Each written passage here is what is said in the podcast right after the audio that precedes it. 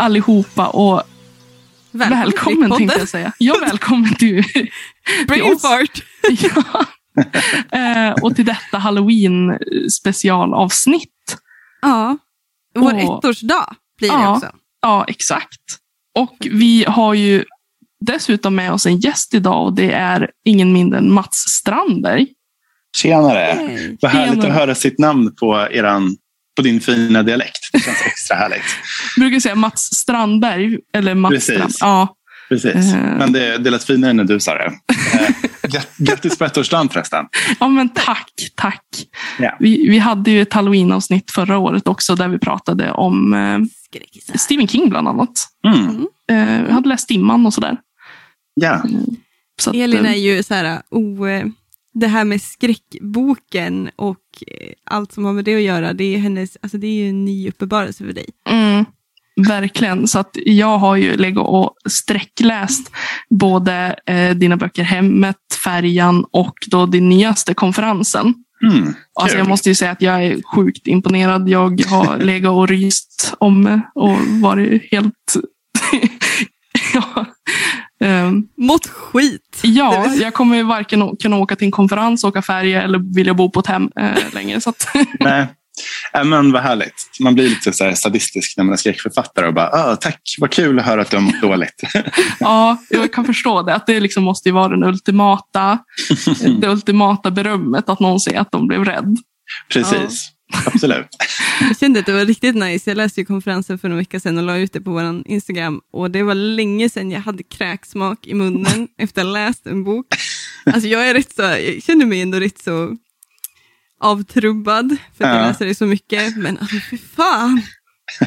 Ja, men den har några ganska göttiga grejer. Jag är väldigt nöjd med vissa saker som händer där som man kanske inte ska spoila. Men, men ehm, man kan ju onekligen undra var det kommer ifrån ibland.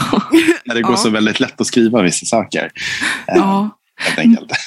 Men jag tänker så här, hur ser din skrivprocess ut? Alltså från det att du, du kommer med, med tanken till så att det blir en färdig bok. Liksom.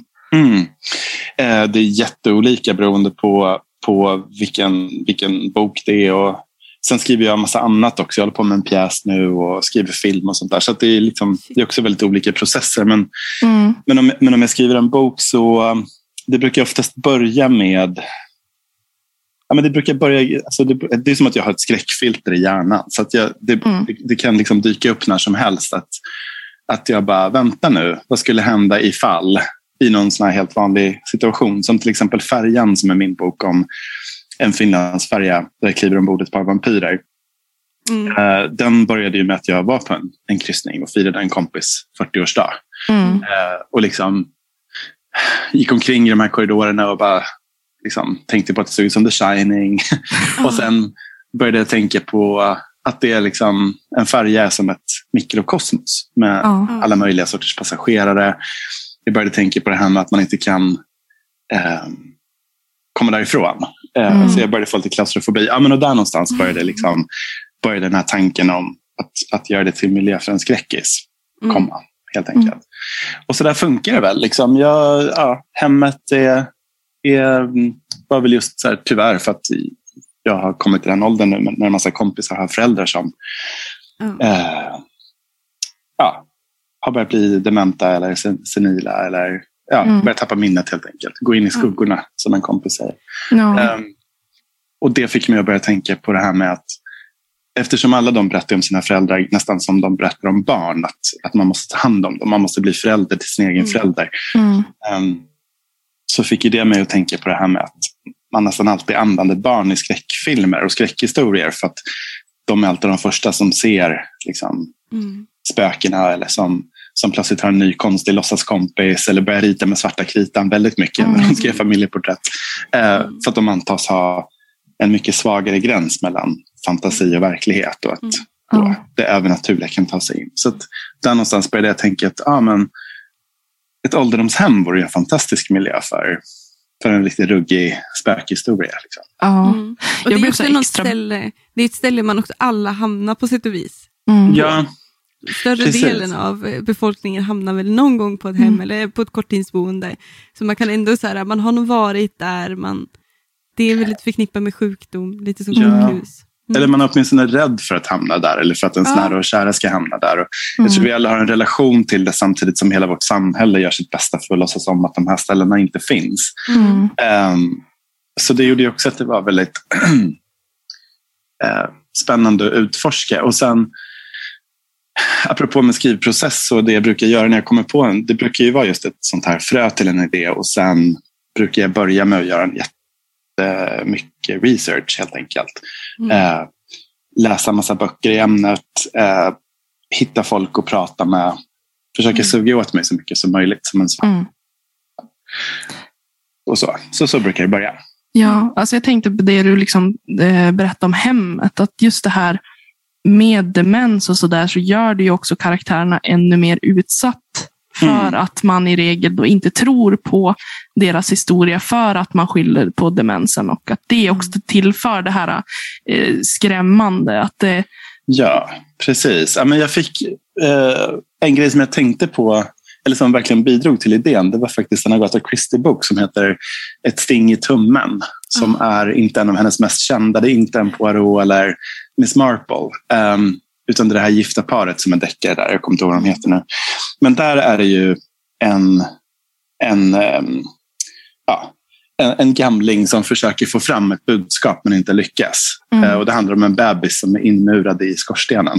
ja, Eh, och hon lyckas inte göra sig förstådd. Och, och det där var liksom både kusligt och otroligt eh, heartbreaking. ja, Mm. Eh, så eh, nej, men det, var, det var en väldigt tacksam miljö. Det var ju ganska intressant nu när, under det här corona tiden så har verkligen lyssningarna på hemmet gått upp jättemycket. För det blev väl så aktuellt det här med hur vi behandlar våra gamla. ja. Och det blev ju Ja. lite som en verklig skräckplats också. Man Ja. hörde ju mycket, jag har ju min farmor som har varit lite fram och tillbaka, ut och in. Ja, Och- det beklagar jag. Mm. Ja, det, det är inte så jätteallvarligt. Mm. Men att man då också får höra från de som hemtjänsten och sådana saker att det inte att det varit otäckt med så många som har dött så fort. Mm.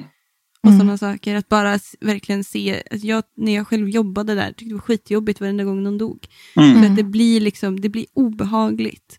Mm. Det luktar på ett speciellt sätt och det är liksom någonting man inte riktigt kan tvätta av sig. Och, ja. Ja. Och döden är ju alltid närvarande på sådana ställen också, oavsett om man vill det eller inte. Så Mm.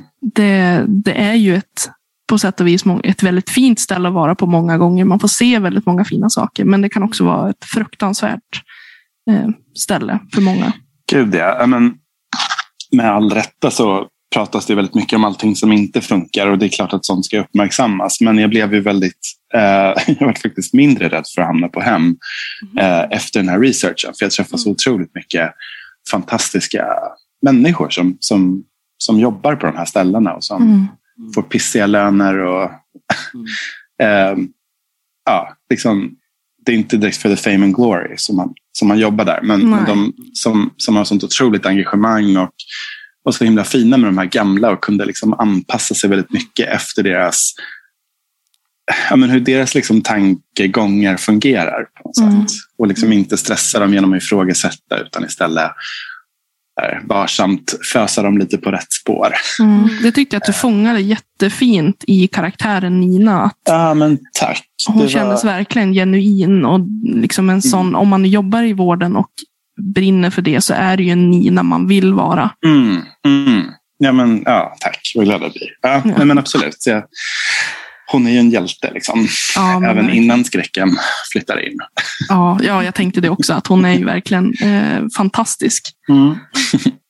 Men då hämtar du ju alltså liksom inspiration Mm. från vardagen. Precis, och då tycker jag att eh, så att när jag håller på med den här researchfasen och liksom just läser och försöker ta in så mycket som möjligt på lite förutsättningslöst. Det är väl där någonstans som, som karaktärerna brukar utkristallisera sig. Mm. Eh, Kan du få väldigt liksom många idéer som inte leder till någonting? Att du sitter på bussen och börjar fundera och så säger nej, det här var kanske inte så jätteintressant. Ja, ja gud, absolut. Ja, men verkligen. Eller- Men ofta så, um, ofta så kan de där idéerna dyka upp när man minst anar det. Liksom att I konferensen så finns det till exempel en scen där de sitter och berättar en, eh, berätta spökhistorier vid lägerelden. Och Ja. en av dem var ju lite så här, en idé som jag bollade med till, ja, kanske göra någonting av. Eh, men det, det var inget jag gick igång på tillräckligt för att skriva en hel bok. Men det var lite kul att låta det vara en, en, så här, en enkel spökhistoria på några sidor. Ja, det, i en annan bok. det, det gav väldigt mycket substans till Mm. konferensen. Eh, Ja. tycker jag. Och det var väldigt, jag lyssnade ju på det nu. Mm. Det är din, är det din man? Precis. Ja, fan vad nice förresten. ja. Ja. Hälsa honom att han är en fantastisk Ja. eh, Det ska jag göra. Uppläsare. Men han fick verkligen till det här storytelling. eh, Jag Ja. inte, det, är, det är speciell förmåga att kunna köra storytelling. mm. Och det är Ja, men- liksom, det var en nice detalj. Det gav substans och plus att han var fantastiskt duktig på att få ut det också. Mm. Ja, men det är jätteskönt. Jag, är inte, jag vill inte läsa in själv, men han är ju en fantastisk avatar att ha på något sätt. Eftersom Mm. vi kan prata hemma i soffan Mm. om Ja, eh, nivå på dramatisering och hur de olika karaktärerna låter. Och, ehm, ja, han kan ju mitt språk så att säga. Mm. Ja. Men Han får ta del av din vision på väldigt tidigt eh, stadium Ja. kan jag tänka mig. Att han också Precis. känner karaktärerna på sätt och vis. Ja, men verkligen. Och till exempel i boken Färjan så finns det ju ett, par kusiner som är 12 år gamla som har ett jättespeciellt sätt att prata. De utvecklar Mm. liksom ett eget språk nästan. men helst. Ja, men helst. Mitt allra, allra bästa. Och, han är, och det där är baserat på mig och min kusin när vi var små. Liksom. Ehm, så att, till exempel det har ju han hört i alla år vi har varit Mm. ihop. Men det hade kunnat bli jättekonstigt med någon som inte alls var förberedd och försökt läsa in det där. Det skulle kunna bli som Yoda-vibes på det. Ja. Det var fel. Ja, men att man liksom försöker för mycket att Ja. låta som ett barn när man är vuxen. Det, Mm, det kan ja, ju det bli också. riktigt jobbigt. Ja, riktigt jobbigt. Riktigt obehagligt faktiskt. Ja, verkligen. Ja, men verkligen. Men du, du läser ju mycket skräck själv va? Mm. Jag, kanske, jag kanske läser mindre egentligen nu för att jag, det, är, det är lite det problemet att när man jobbar med det man älskar så blir det man älskar ens jobb på något sätt. Japp. Så Mm.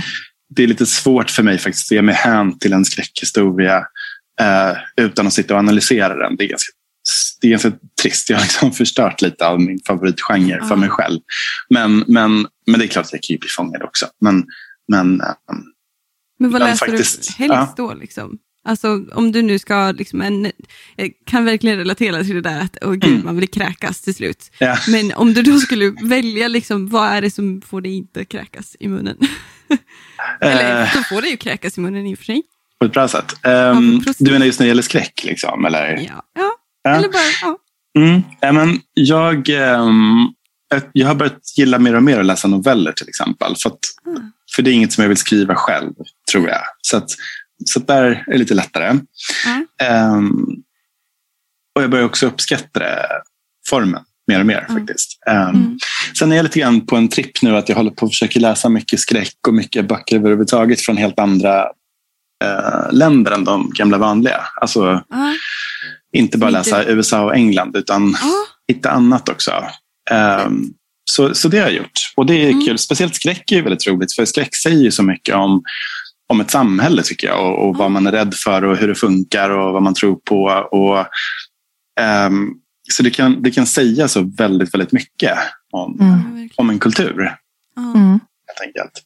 Ehm, så att jag läste till exempel en samling med eh, irakiska skräcknoveller som heter The Corpse Exhibition.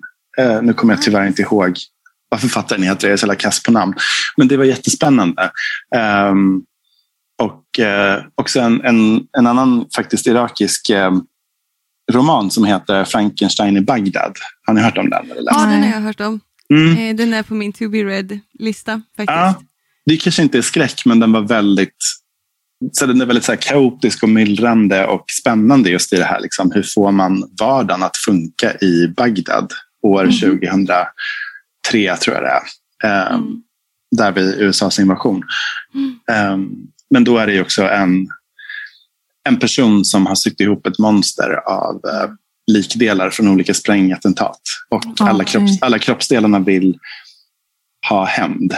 Ja, precis. Eh, mm, det är en jättebra idé. I love Ja. it. Ja, verkligen. Fan att man inte kom på det själv. Ja, eller hur? Ja. ja, och nu ska jag läsa min, min nästa bok som jag ska läsa är hon, eh, som sagt, jag är skitkass på att läsa, men den här boken har jag faktiskt här bredvid mig. Ett ögonblick. Jag ska bara kolla. Mm, älskar boktips. Det är det bästa som finns. Nu ska vi se. Mariana Enriquez som skrev den här novellsamlingen Det vi förlorade i elden. Eh, sydamerikansk författare som blev superhypad. Hon har skrivit en jättetjock roman nu som heter Vår del av natten. Som är någon slags eh, pappa, på son med sin, eller pappa på flykt med sin son. Eh, de ska liksom, se till att inte bli fångade av någon sekt som är ute efter dem. Är det påminner om The Road? Lite, eller fast det är Eh, postapokalyptiskt i och för sig. Precis, jag tror inte att det är riktigt så. Jag tror att här är nog mer så här, det känns lite så som en klassisk Stephen King, du vet lite så här eldfödd-stilen. Att så här, den här stora hemska gruppen vill åt ens barn så att man måste Mm. fly med dem. Eh, fly med barnet. Mm. Eh, jag har inte börjat än, jag kanske bara Nej. snackar skit nu. Men jag har fått den vibben. Ja, men det är nice. Det Mm. är bra. Har du någon liksom, genre som du eh, som kanske folk tänker, ja, men det här läser inte Mats Strandberg, utan läser du romance eller Du måste få Eh, in din jävla romance här hela tiden. Fan! jag vill bara liksom lyfta romance. Nej, jag gör inte det. Sara som jag skrev cirkeln med, och så där, Mm. hon översatte ju Harlequin-romaner innan vi började skriva cirkeln. Det är jätteroligt. Okej. Ja. Det var någon som heter Spel under täcket. Jag älskar den titeln. Eh, Det låter som typiskt tantsnuskbok. jag tror det var det också. Um, men faktiskt inte så mycket romance, men däremot så jag läser jättemycket biografier. Mm. Eh, och eh, ja, men Jag tycker det är så spännande sätt att, om det är bra förstås, så är det Mm. ett jättebra sätt att ja, men, ja, men, få en bra historia berättad för sig av människor som har varit med om grejer. Liksom. Mm. Um, läser jag mer? Ja, men jag läser verkligen allt möjligt. Jag läser mycket serier. Uh, ja. Eh, Alltså serier som i serietidningar? Eller? ja, serieromaner skulle jag vilja säga. i Nice. så fall. Ja. Har du några för, ge ett exempel eller ge ett tips? Ja, men jag är väldigt förtjust i um, Lock and Key som Joe Hill har, har författat. Det som blev en väldigt dålig tv-serie på Ja, jag Netflix. men själv, och vilket är så konstigt för att de här, det är, vad är det, sex eller sju delar va? Ja. Eh, de är ju som...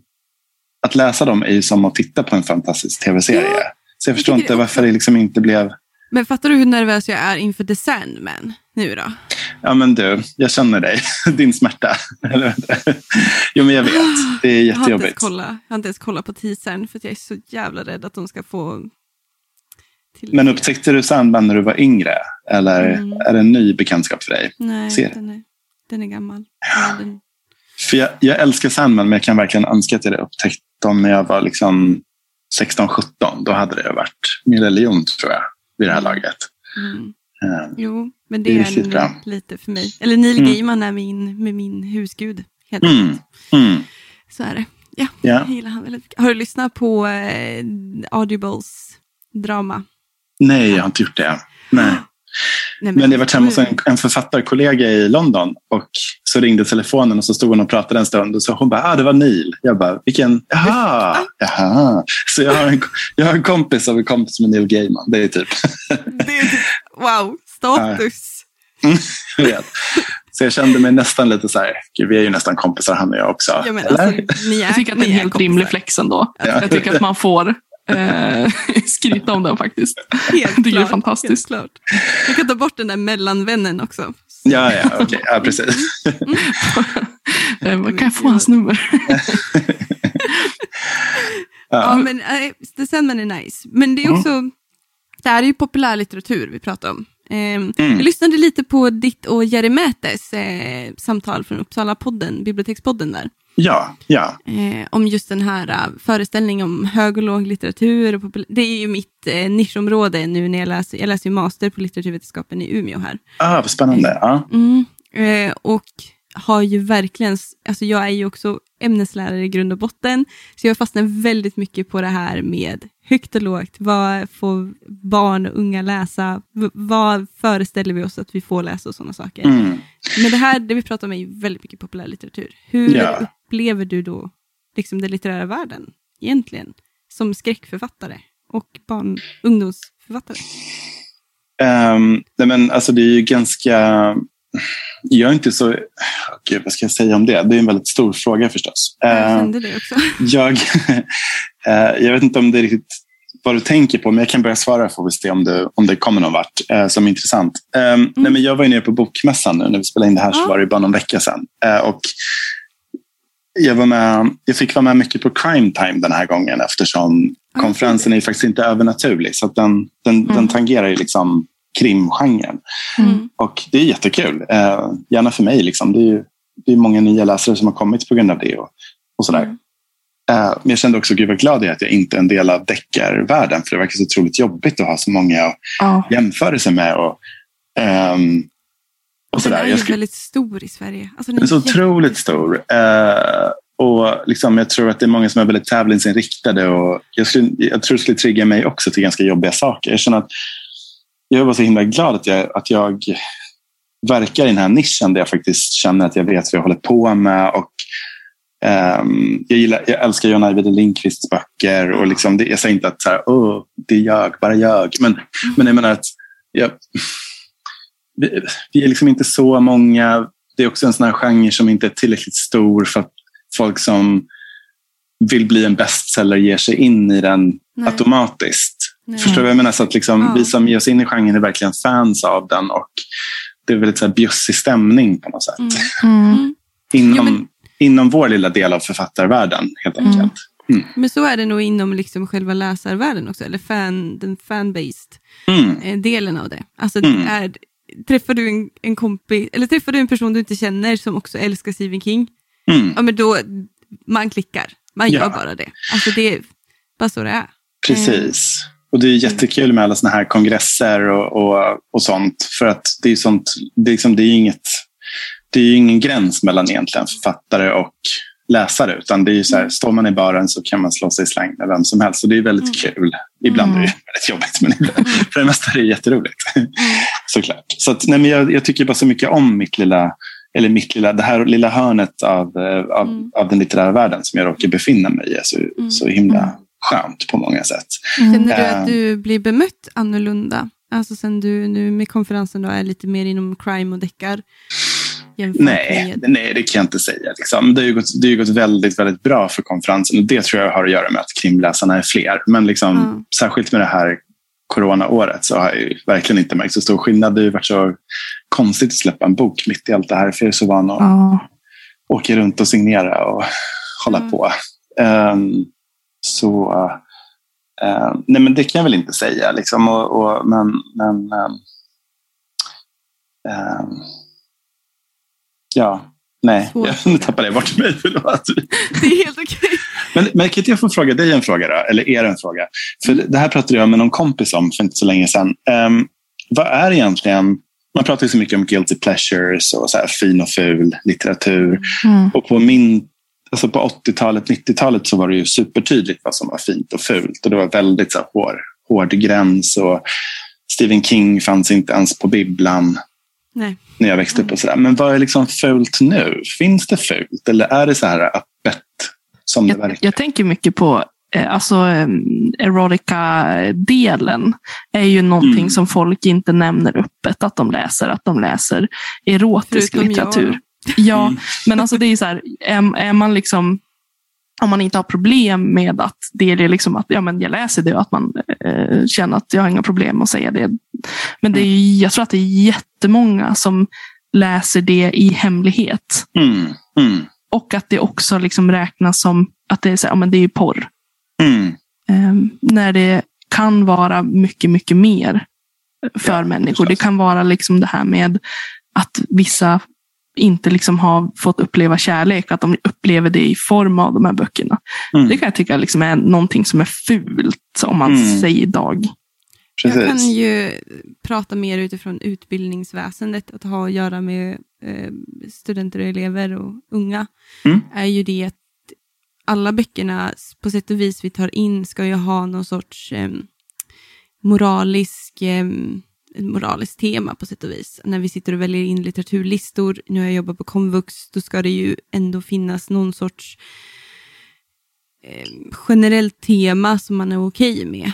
Mm. Ehm, som vi ändå känner att eh, eller som generellt av någon anledning lärarlaget tycker alla är överens om att det här kan vara bra att eleverna lär sig. Bildningsorienterad litteratur brukar man prata om då. Eh, och då brukar det oftast hamna i den, den klassiska genren, alltså klassiker. Mm. Eh, kanske inte lika mycket i svenska som i engelska. I engelskan har vi ju väldigt stark eh, föreställning av kan kanonisering, mm. även om vi är i Sverige. Eh, mm. Men då riktar vi till exempel mer mot att man ska ha läst av alltså böcker från alla olika delar av den engelsktalande världen. Mm. Och då väljer man oftast de som är lite, vad ska man säga, kanoniserade där, om man säger mm. så.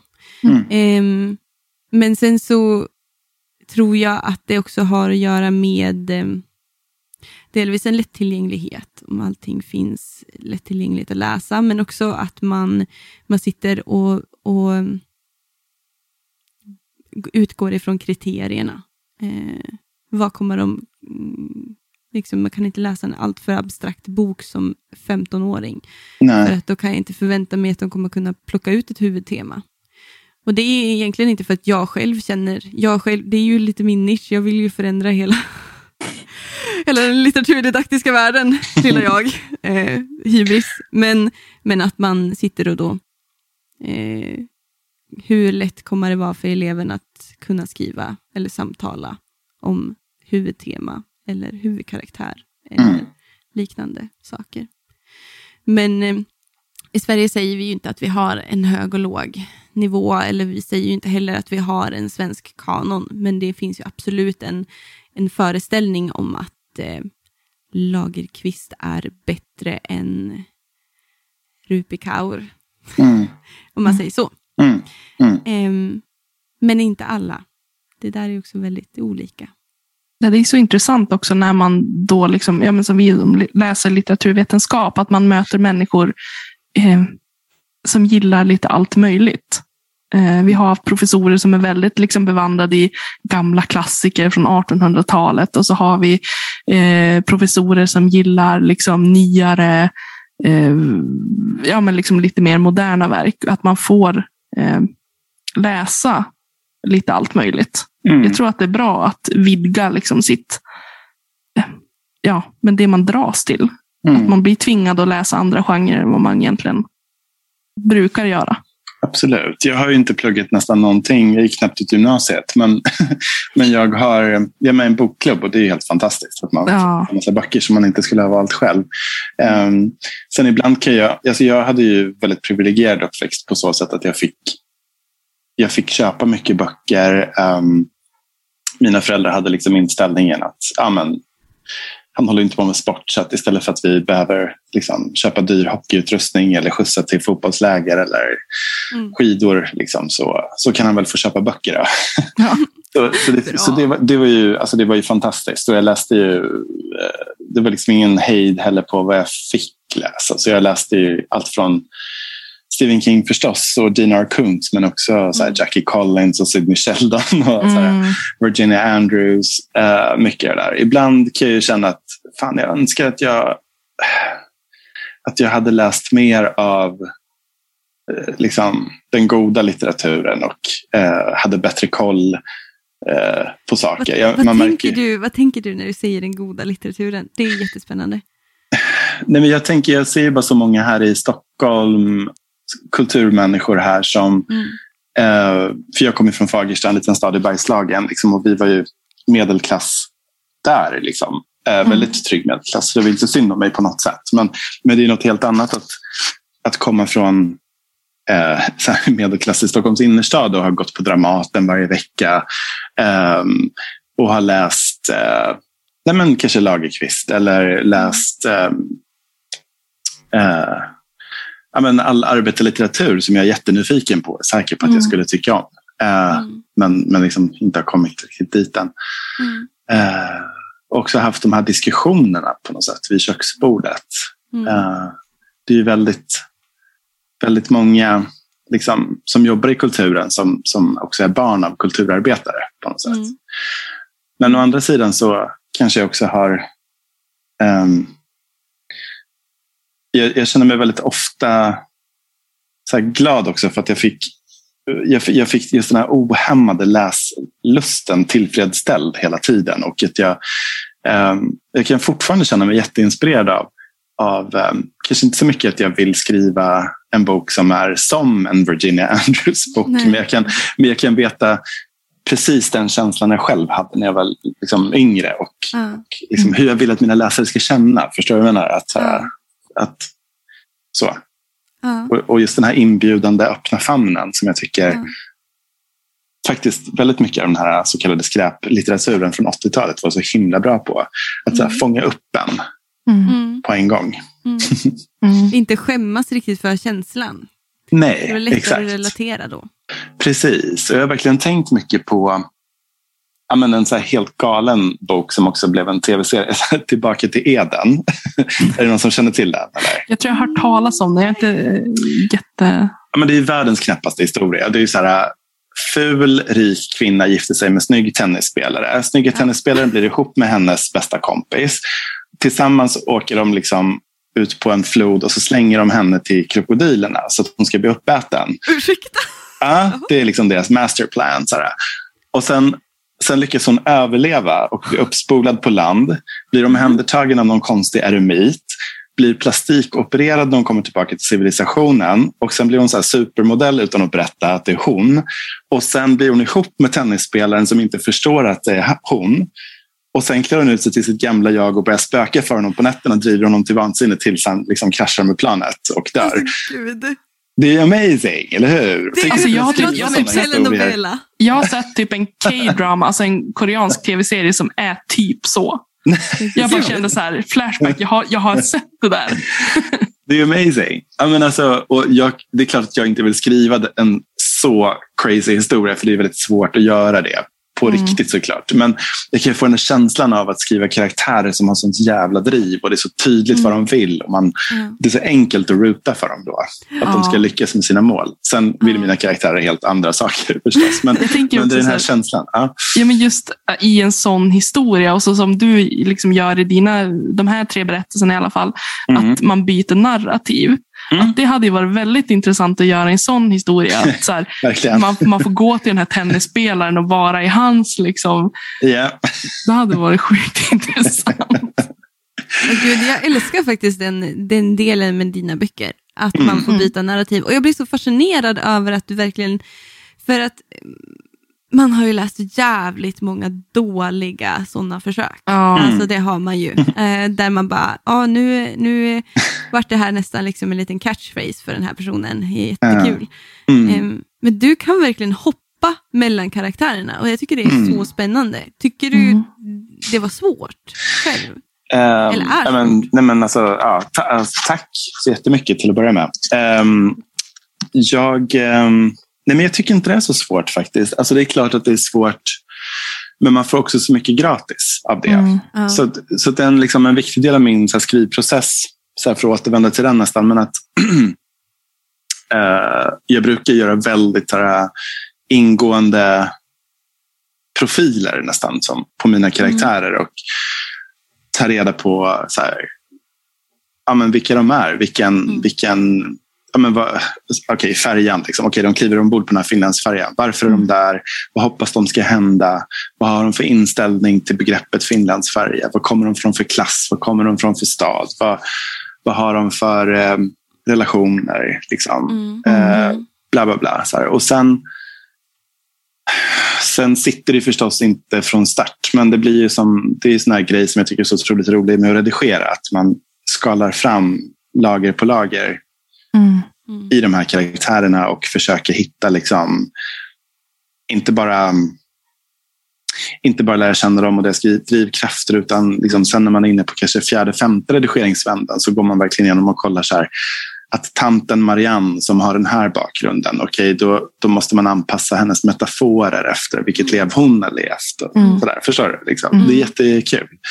Så att jag tycker sånt är roligt. Det är därför jag, jag håller på så. Och sen Sen är det ju väldigt, ehm, som sagt, det är väldigt tacksamt dramaturgiskt att man kan klippa mellan dem så få upp, få upp tempot på Mm. det sättet. Mm.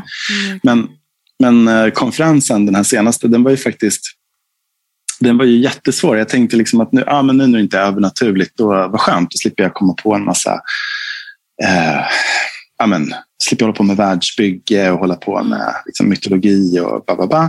Mm. Det här kommer bli jätteenkelt. Och så insåg jag att det var skitsvårt för att det är liksom min första bok där alla karaktärerna känner varandra från början. Mm. Att det, det, är hela poängen. Annars så brukar ju mina karaktärer oftast vara ganska ensamma i sina världar och sen mm. tussas de ihop av det fruktansvärda som händer. Mm. eh, och då känner de tillräckligt mycket för att de kan laja börja interagera ganska naturligt. Mm. Men här sitter de liksom i minibussen i första kapitlet på väg till konferensen och är så jävla trötta på varandra. ja. jag, jag tycker också att det är så intressant just det där att när du då hoppar från narrativ till narrativ, att man liksom får, får se deras tankar om varann och deras mm. och tankar om situationen.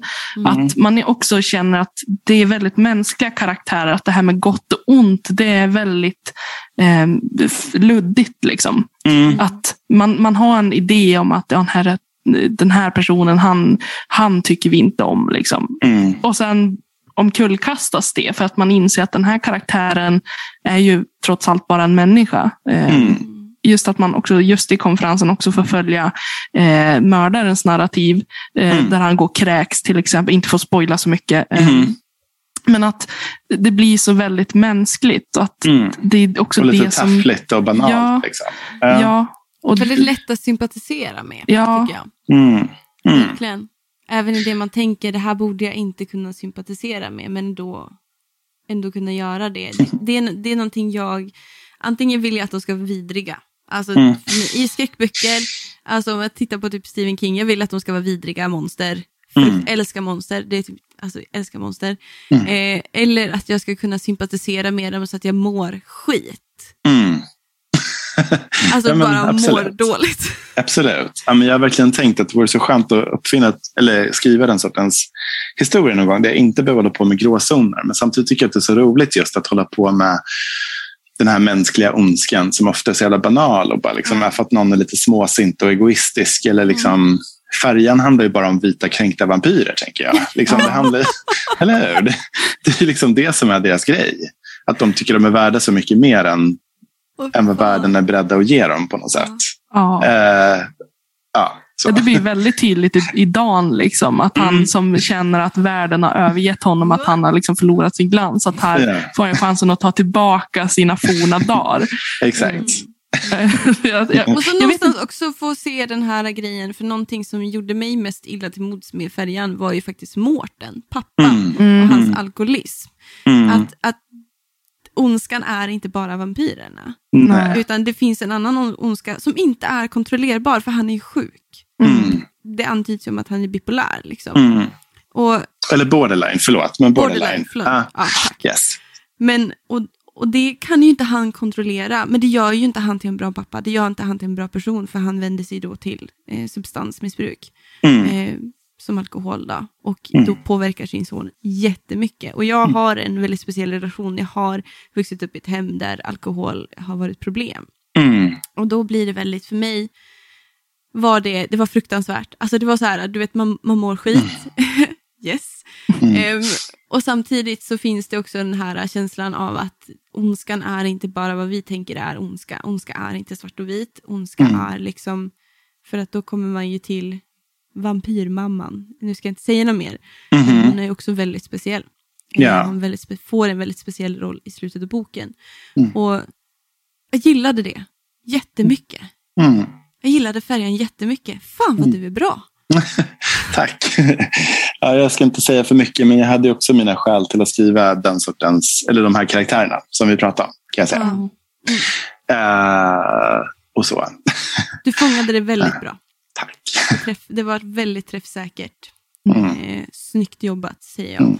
Men vi kan gå vidare till några andra frågor. Eh, händer det att du skrämmer dig själv? Är det så? Uh, egentligen in, alltså, lite grann med hemmet. För den tycker jag har den här sortens den är väl den som ligger närmast den sortens mörkrädsla jag absolut kan få.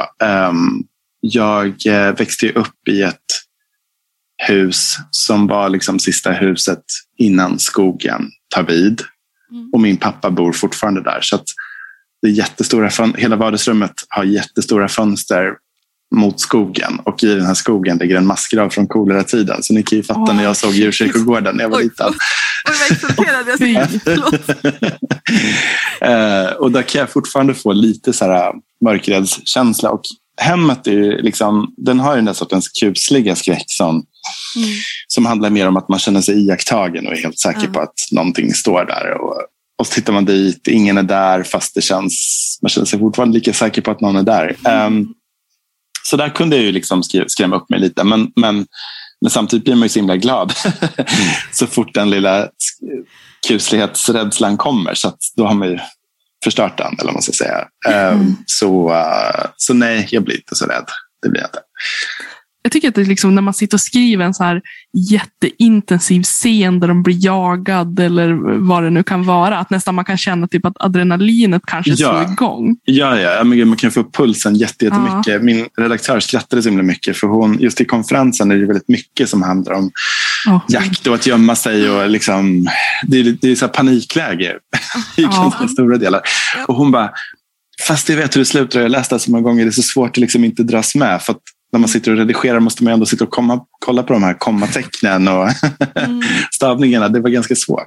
Eh, men det var ett jättebra betyg, så jag var ju bara glad.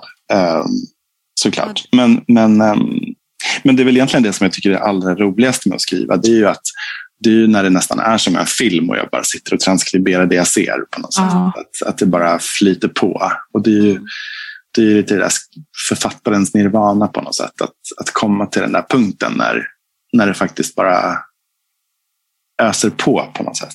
Ja. Det är bara ett flöde nästan. Ja, Ja. sen, sen liksom första versionen är ju alltid knepig för då var jag tvungen att stanna upp hela tiden och bara vänta, vart går den där grusvägen? Vänta, de där lamporna, hur långt räcker det i ljuset? Eller ah, hur många trappsteg hade den där? Blä, blä, blä. Ja, Som, så det är nästan roligare med, som sagt, redigerande där också. Mm.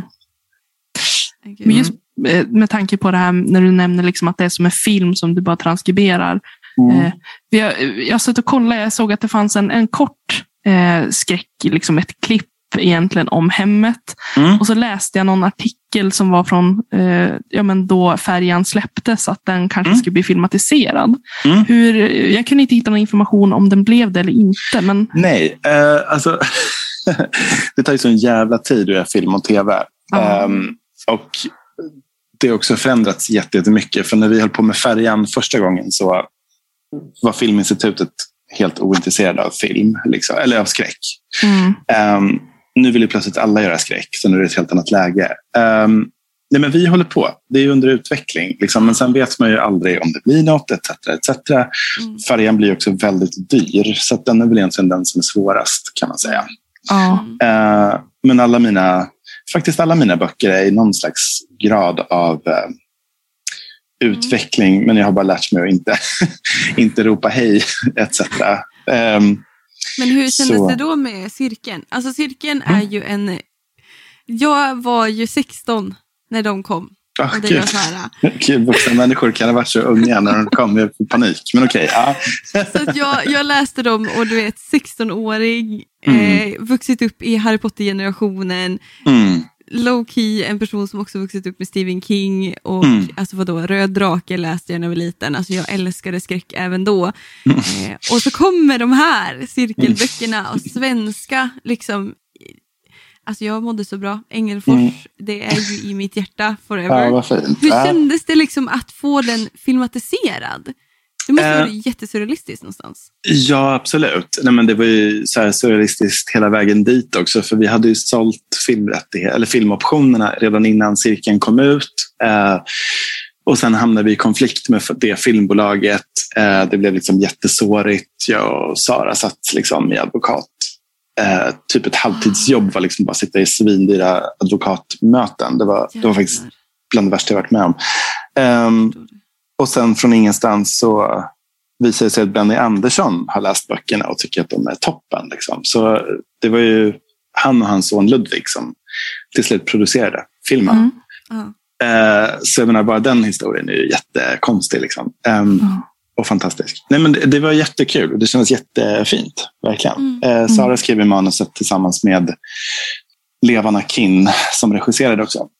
Ja. Eh, och eh, jag tyckte det blev jättebra och det var, vi, vi hade väldigt kul. Vi var väldigt så här, insläppta i, i castingprocessen till exempel. Och det är väl nästan det som jag tycker är allra bäst med filmen. Det är väl de här tjejerna som, som spelade Mm. huvudrollerna som bara var så otroligt bra och också blev ett så otroligt fint gäng under den här tiden. Mm. Som vi har mix mycket med. Och sådär. Jag tycker det blev en väldigt värdig filmatisering av dem. Alltså det är också när man, som sagt, jag blev ju så att jag low-key växte upp med de här böckerna. Och Mm. det här tjejgänget har ju, representerar ju alla, alla grejerna man kanske går igenom Mm. när man är där. Mm. Allt ifrån hbtq till trasiga familjer till Mm. trasig självkänsla och em, förhållanden och sådana saker. Mm. Em, så för mig, när, när jag såg den eh, första gången, så kände jag verkligen att det här det var nice casting. Det känns, kändes genomtänkt och vältänkt. Och, Mm. mm, ja, eh, det var riktigt, det var en bra film tycker jag. Ja, men vad kul. Tack. Ja, men vi, vi var jättenöjda. Liksom. Sen, sen är det ju förstås svårt att göra film på. Jag tycker Sara och Levan gjorde ett jätte, jättefint jobb. Liksom. Eller att vi alla gjorde det. Men, men eh, sen jag tror att skulle man göra det idag kanske man skulle titta på tv. Alltså, för nu finns det så många streamingtjänster och sånt där. Det har ju gått så fort. Det Mm. finns ju helt andra möjligheter. Um, just apropå det här med att man skulle kunna få plats med så mycket mer. Ja, jag tänker just det här med bio och speciellt nu eh, efter pandemin, hur det kommer Mm. bli om Netflix kanske är en säkrare, ja, men typ sådana streamingtjänster, Mm. om det är en säkrare plattform att ge ut någonting på än biografer. För jag vet inte hur det kommer se ut nu, om folk kommer att återvända till biografer precis lika mycket som man redan Gjorde förr. Jag har redan suttit på Dion. Jag längtar så mycket efter bio nu så att jag håller på att bli galen. Alltså biopopcornen. Alltså fy fan. Det är så trevligt med biopopcorn. Åh, jag kan trycka in mig två sådana. Du ser. Jag är så himla lycklig för att jag sitter med i, för andra året i rad så sitter jag med i, eh, inte i juryn, men, men i eh, nomineringsjuryn kallas det för i kategorin eh, internationella film på Guldbaggegalan. Det var Oh, nice. Spännande. Så vi är liksom ett gäng som får kolla på typ all utländsk film som går på bio och sen är det vi som röstar fram de tre som sen blir nominerade och sen tar den riktiga juryn över. Ja, Men det är, det är mycket roligare jobb. Det är fantastiskt. Jag kan liksom gå och se ehm, ja, men nästan allt av det här som, som filmbolagen vill ska få en chans att nomineras. Så att, då blir det ju verkligen de här filmerna man aldrig hade valt själv. Liksom. ja. Kinesiska draman, svartvita, små polska Ja, mood pieces. Det, ah, det, det var så jäkla roligt förra året. Och nu börjar jag stå igen, så det är så himla kul.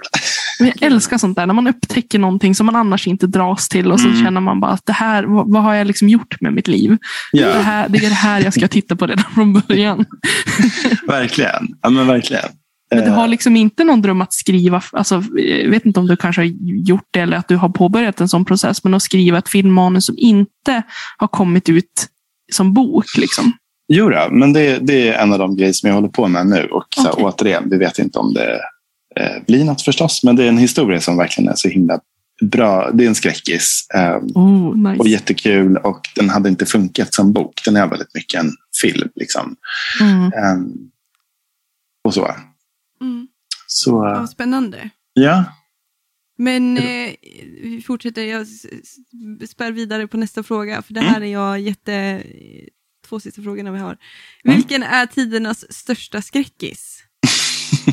och då, är det, då får du välja film och du får välja bok. Ehm, och du får välja flera, för I'm game på det.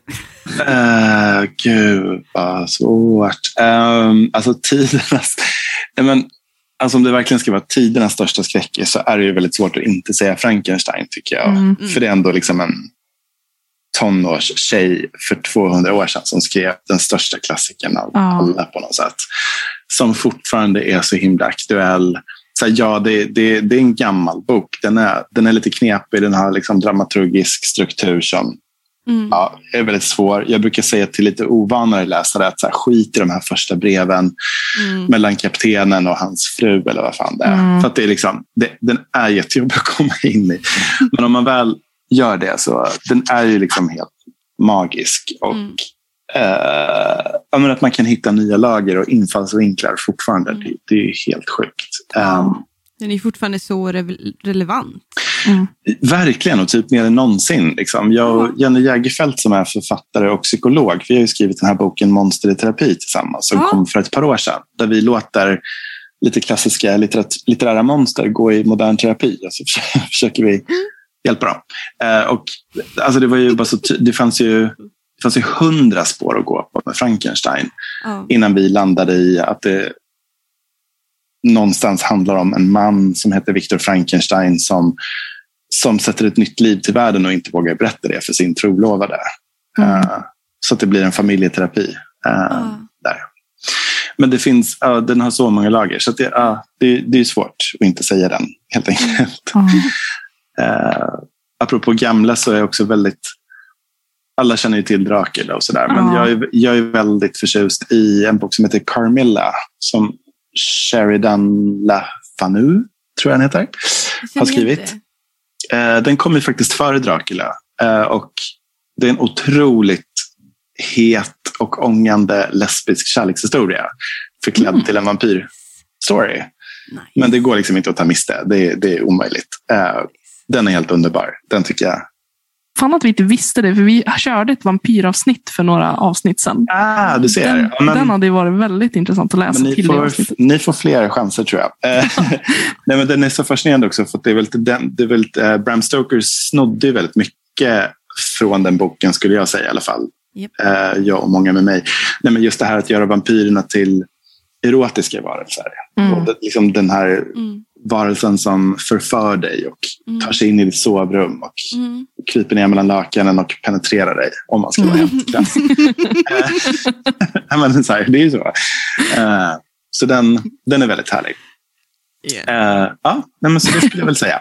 Jag får en väldigt rolig bild av Dracula som bara försöker krypa ner så tyst han kan. ja, alltså grejen Jag har alltså, sånt himla snuskigt skämt nu men jag tänker inte säga det. men kör. Kör. nej. Du har redan... Du har, jo. Fy fan. I cannot believe this. Jag fick bara en sån här bild, en scen framför mig där eh, någon kanske säger oh, Dracula, please suck me. Det var väl inte så farligt. Nej men det kändes farligt liksom i kontext med någon annan. Jag kan ju inte din humor så det blir så här. Okej, jag, kan, jag kan säga att eh, ja, om någon hade hört om någon hade hört mina och Jennys samtal när vi skrev den här boken så skulle man få gräva ner oss i berggrunden som typ uranavfall eller någonting. så det är lugnt. Ehm, ja. ja, men så det är väl mina klassiker. Film finns det ju massor förstås. Det går ju, ah, gud, det är för svårt. Jag kan inte riktigt. Ja, det är också så här. Alltså jag, jag gillar ju skräckfilm. Alltså jag har inte dragits till skräckböcker så mycket, men skräckfilmer har jag ju verkligen. Och jag Mm. minns ju att en av mina favoriter som jag alltid återkommer till, som också är en klassiker, det är Exorcisten. Mm. Bara för att jag tycker att med tanke på när den spelades in, att den är så fantastiskt gjord.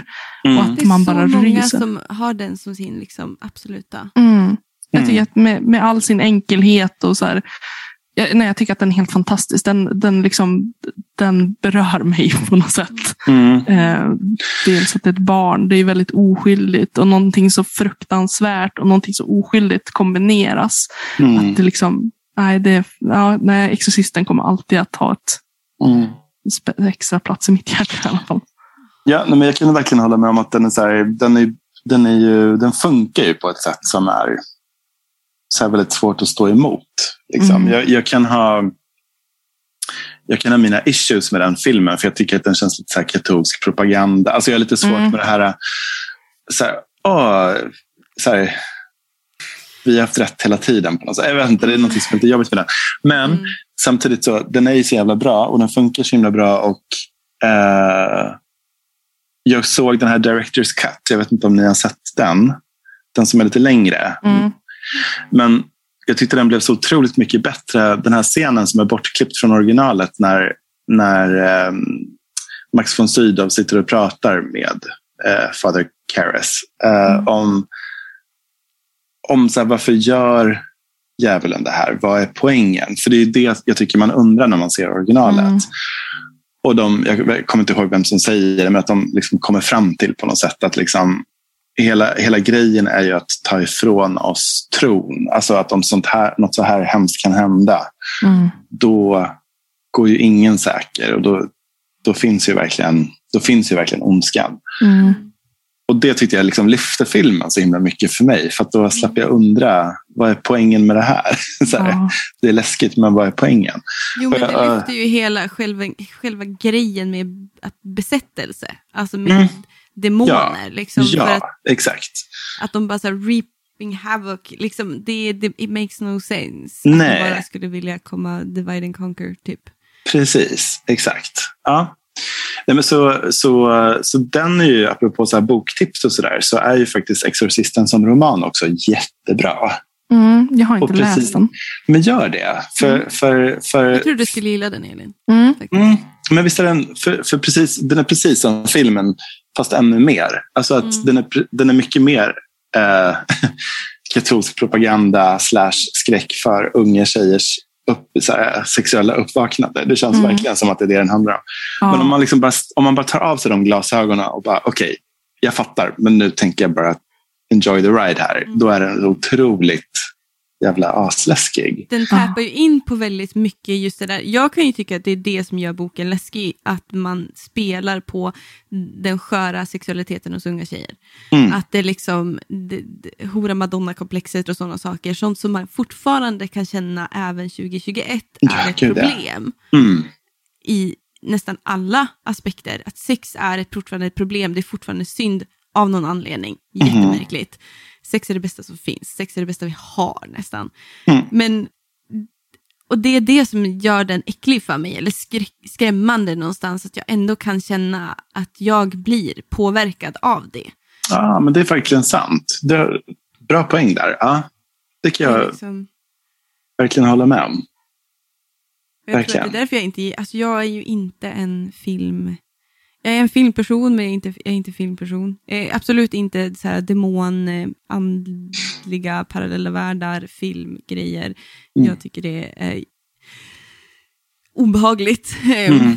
Sen läser jag väldigt problematisk, liksom, eller väldigt problematisk, väldigt problematiska böcker som är riktigt äckliga och otäcka. Eh, har inga problem med det alls, blir nästan Mm. aldrig rädd. Så. Ehm, men jag vet inte. Eh, jag tyckte den var värre som film. Då var det nästan som att filmen ville det verkligen att framstå som att det var regissörens idé att verkligen bara, mm, Mm. kolla, jag har snuskiga gummor. Eh, ska vi gå vidare? Eh, vi vill ha tre tips på skräckböcker som du bara, de här tycker jag att ni ska läsa. Ja. ehm, får man ge tips på engelska? För att Ja, jag lät det mest på engelska. Är det okej? Ja. Absolut. Ehm, då skulle jag vilja säga... Alltså jag skulle ju kunna sitta här och rabbla Stephen King-titlar, men det känns så himla tråkigt. Så jag tänker bara, ni får... Och jag alltså, har så här, rabblat de flesta. Ja. så, att, så att vi liksom bara lämnar dem därhän, även om de absolut skulle kunna vara med på listan. Ehm, men då ska vi se. En ganska ny bok som jag är väldigt, väldigt förtjust i, det är Elizabeth Hand, hennes bok Wilding Hall. Som är som en dokumentär. Det är nästan som en mockumentary i bokform. Det är lite så här, som ett långt reportage Mm. påhittat reportage då förstås. Om ett eh, folkrockband som spelade in eh, en skiva i ett gotiskt slott på brittiska landsbygden så på 70-talet. Mm. Och sen försvinner den här superkarismatiska sångaren. Ehm, och den är så otroligt stämningsfull och vacker och kuslig så att den är verkligen sådär mysrysläsning. Jag tänker bra halloween-tips. Liksom. ja, verkligen. Jag tror inte ens att den är 200 sidor lång. Så den är, den är en riktigt god sittning. Liksom. Mm.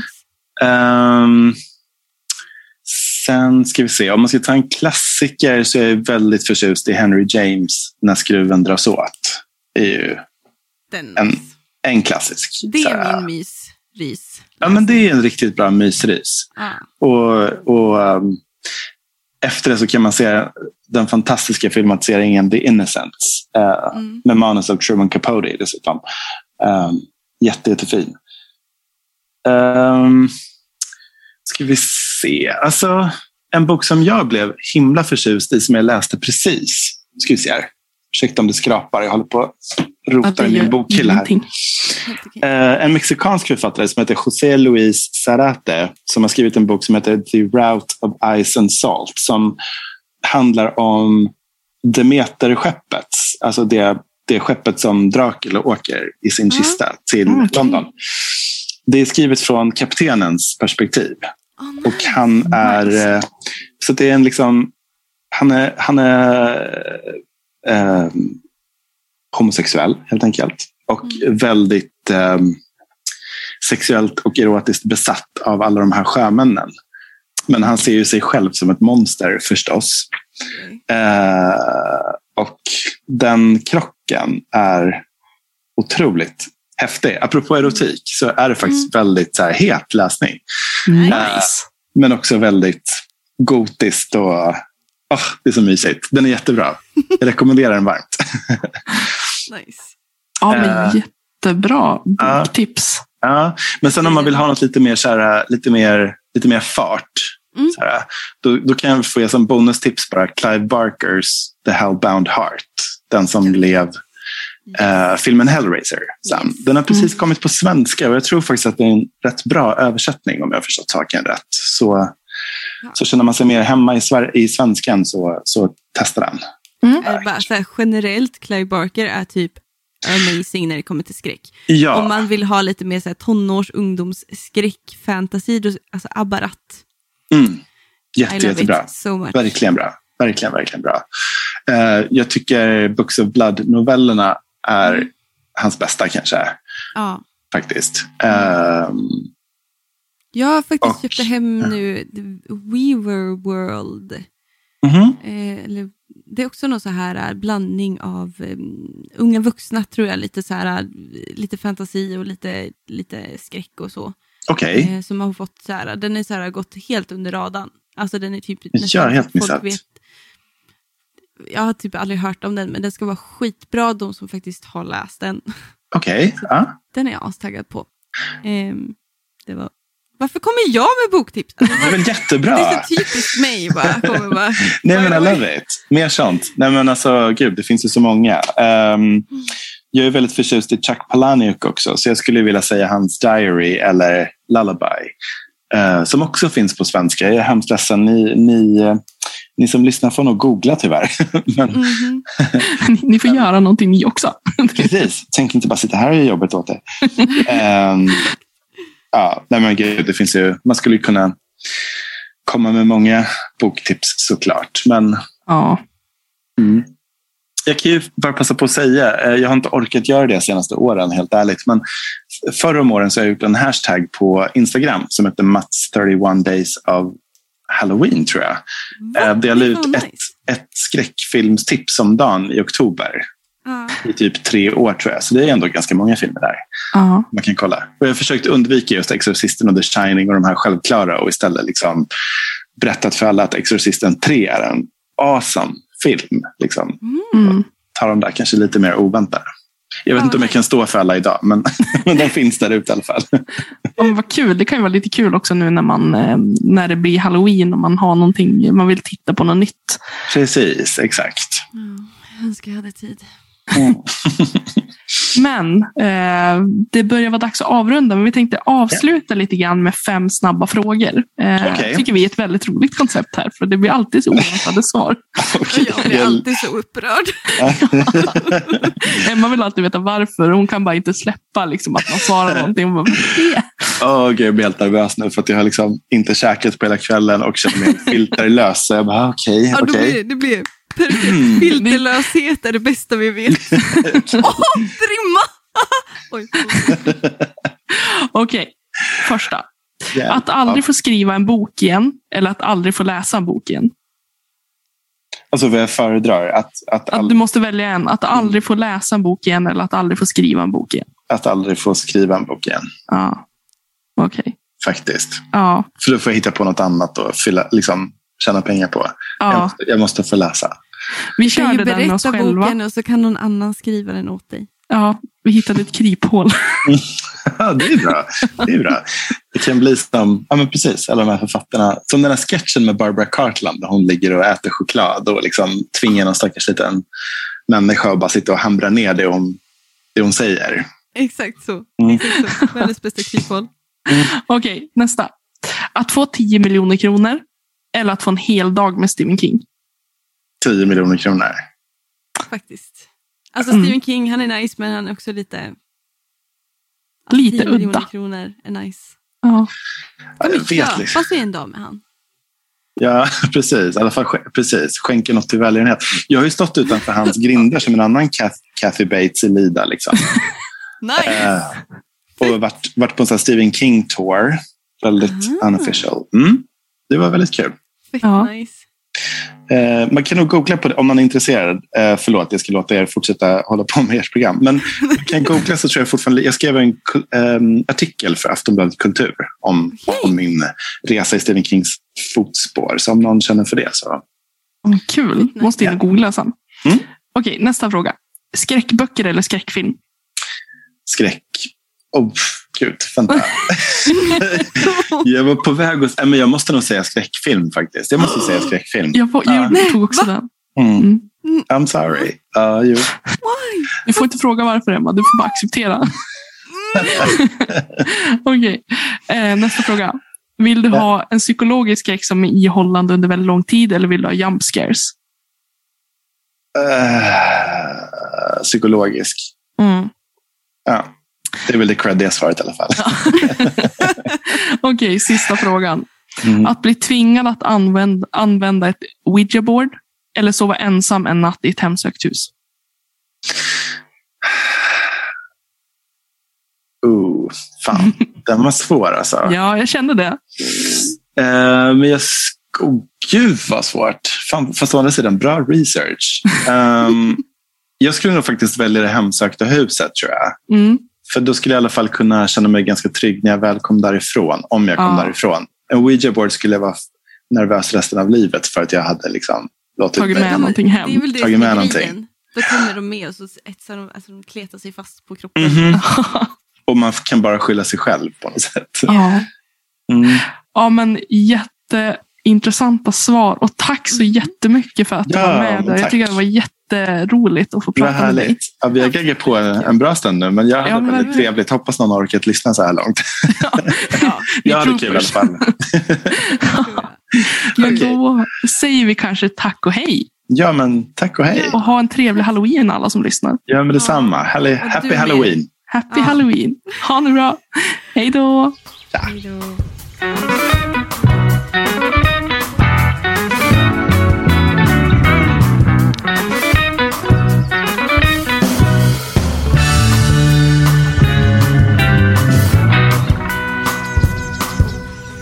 Du har lyssnat på Littpodden med mig, Elin Östlin och Emma Granholm. Musik och klipp av Magnus Kjellson och Robert Granholm. Management av Ida Berglund. Tack hörni för att ni har lyssnat.